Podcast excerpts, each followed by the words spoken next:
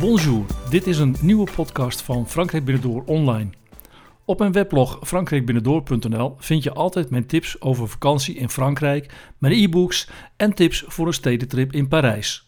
Kijk dus ook altijd eventjes op frankrijkbinnendoor.nl. Maar luister je nu mee naar deze nieuwe aflevering van Frankrijk Binnendoor online. In deze podcast neem ik je mee naar de Franse Ardennen, een prachtige streek vlak bij de Belgische grens en op maar een paar uur rijden van Nederland. De Franse Ardennen worden vaak voorbij gereden, maar dat is niet terecht. De ligging is perfect voor een lang weekend of om er eens een weekje tussenuit te knijpen. Ik was er zelf voor de laatste een half jaar geleden, toen ik met drie journalisten vier dagen lang wandelde in de omgeving van de mooie stad Charleville-Mézières en Sedan. Als je mijn weblog volgt, dan heb je misschien al mijn vierdelige serie gelezen over wandelen in de Franse Ardennen. Deze podcast gaat over een prachtige wandeling die ik maakte bij het plaatsje Monthermé dat aan de Maas ligt. De wandeling staat bekend als La Boucle de Sept Roches en het is een pittige wandeling bij Monthermé, maar absoluut de moeite waard. Ik ontwaakte aan de oevers van de Maas in het leuke Logis de France Hotel Le Boucle de Meuse in Monthermé. Ik had er een prima kamer op de tweede verdieping met een goed bed, ruime badkamer en verder alles wat je nodig kunt hebben. Het plan was om een wandeling van circa 10 kilometer te maken langs de Boucle de Meuse. De bochten van de Maas bij Monthermé en Bogny-sur-Meuse zijn via een wandeling hoog boven de beide oevers goed te bewonderen. De afstand was weliswaar 10 kilometer, maar het hoogteverschil was op sommige stukken ruim 225 meter. Dus er moest af en toe wel flink geklommen worden. Rond 9 uur ochtends zou de gids bij het hotel zijn. Dus met mijn drie reisgenoten sprak ik af om om 8 uur te gaan ontbijten in de eetzaal met uitzicht op de Maas. Het ontbijt in Hotel Le Boucle de Meuse was zoals een ontbijt in een gezellig Frans hotel hoort te zijn. Goede koffie, lekkere jus d'orange, verse croissantjes, pen au chocola en natuurlijk knapperig vers stokbrood. Je hebt vanuit de eetzaal een mooi uitzicht op de Maas en de overkant van het dorp. Aan het raam zat een groep van acht mensen die de vorige avond ook in het restaurant zaten toen ik er met mijn drie reisgenoten een hele leuke avond had. Ook deze ochtend was het weer een gezellige boel en ik had er echt zin in om een flinke wandeling in de Franse Ardennen te gaan maken. De afspraak was om rond 9 uur te vertrekken. Er zou een gids met ons meegaan en een lokale bewoner die Nederlands sprak. Goed geregeld dus, maar ook waarschijnlijk een signaal dat de gids alleen maar Frans sprak. Voor mij trouwens niet zo'n probleem. De gezellige eigenaar van het hotel had voor ons vier lunchpakketten samengesteld die keurig in papieren zakken klaar stonden. Het leek overigens meer op een overlevenspakket en er ontbrak werkelijk niets aan. Ik laadde de voorraad over in mijn rugzak en was klaar om te vertrekken. Ik had in elk geval het gevoel dat we rustig konden verdwalen, want met dit lunchpakket kon ik makkelijk een paar dagen overleven. Naast de gids en de tolk bleek er nog iemand te zijn. Het was Claudie. Samen met gids Jean-Luc kent zij het gebied rond Montemé en de streek van de Maas en de Semois door en door. Tijdens de tocht leerden wij beiden beter kennen. Zij verzorgen alle twee wandelingen waarbij van alles verteld wordt over de omgeving, legendes, anekdotes en nog veel meer. Jean-Luc trad zelfs regelmatig op als druïde en was een echte natuurliefhebber en kenner. Gelet op het forse postuur van de tolk schoot mij meteen het beeld door mijn hoofd van Asterix, Obelix en Panoramix. De tolk was Jean, een gezellige Nederlander die al lang in de streek woonde en ook het gebied op zijn duimpje kende. Na de oversteek van de Maas bij het hotel ging ik rechts de trap af en volgde de richting van het pad de GR12C. Dit is feitelijk de rondwandeling die we gaan maken. In de vroege ochtend hing er nog mist boven de rivier die Montemé iets mystieks gaf. Volg het pad gewoon langs de rivier tot een punt waar je linksaf moet. Even verder kom je dan op de weg richting Charleville-Mézières.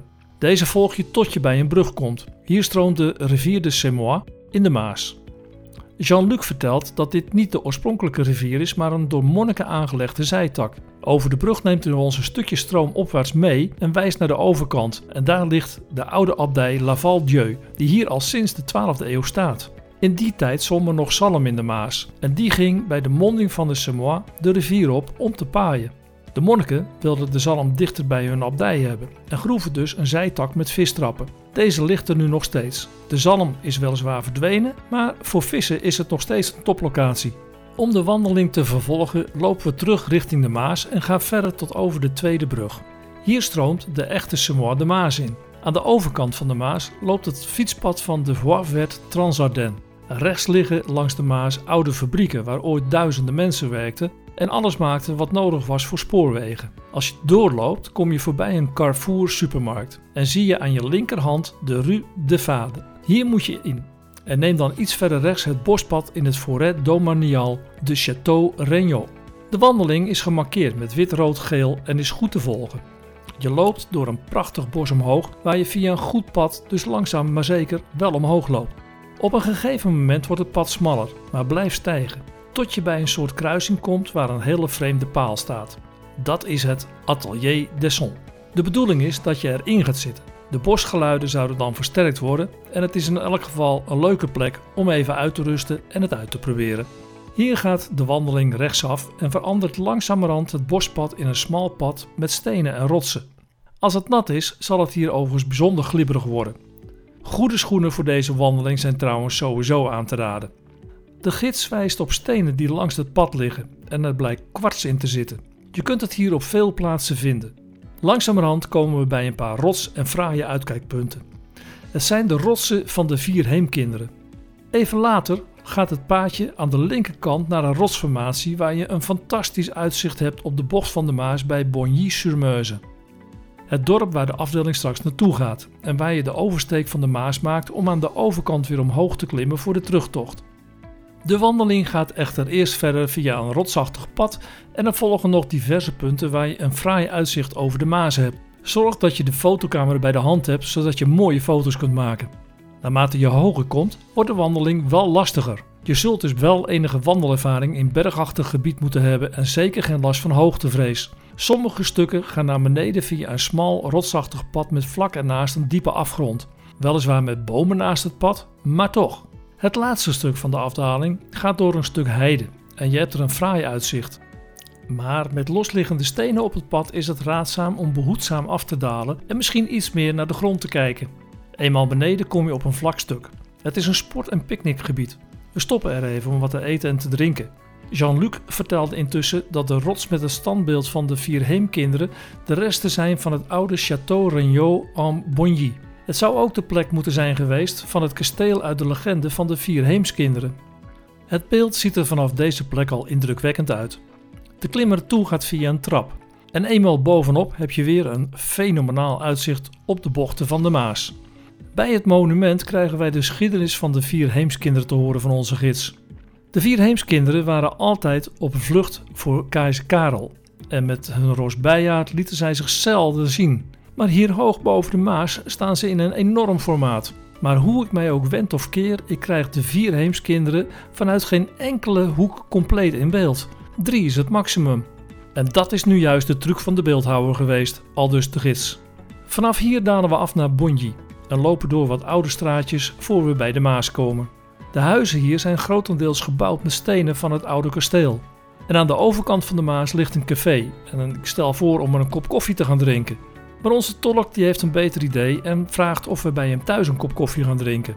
Een paar straten verderop woont hij namelijk samen met zijn Nederlandse vrouw en al meer dan 12 jaar in dit dorp. Na de koffie gaan we weer verder op pad en komen door een bijzondere straat. Het is de Rue des Seychelles, in een straat met links en rechts huizen.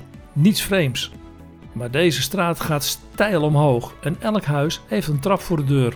Vandaar dus Rue des Seychelles, want Echelles is trap in het Frans. Aan het einde linksaf en dan de weg en de bocht volgen van de weg. Je loopt dan het bos in en volgt dit tot het uitkijkpunt bij de L'Ermitage. Je hebt hier misschien wel het allermooiste uitzicht op de Maas, omdat je ook de bocht bij Montemee kunt zien.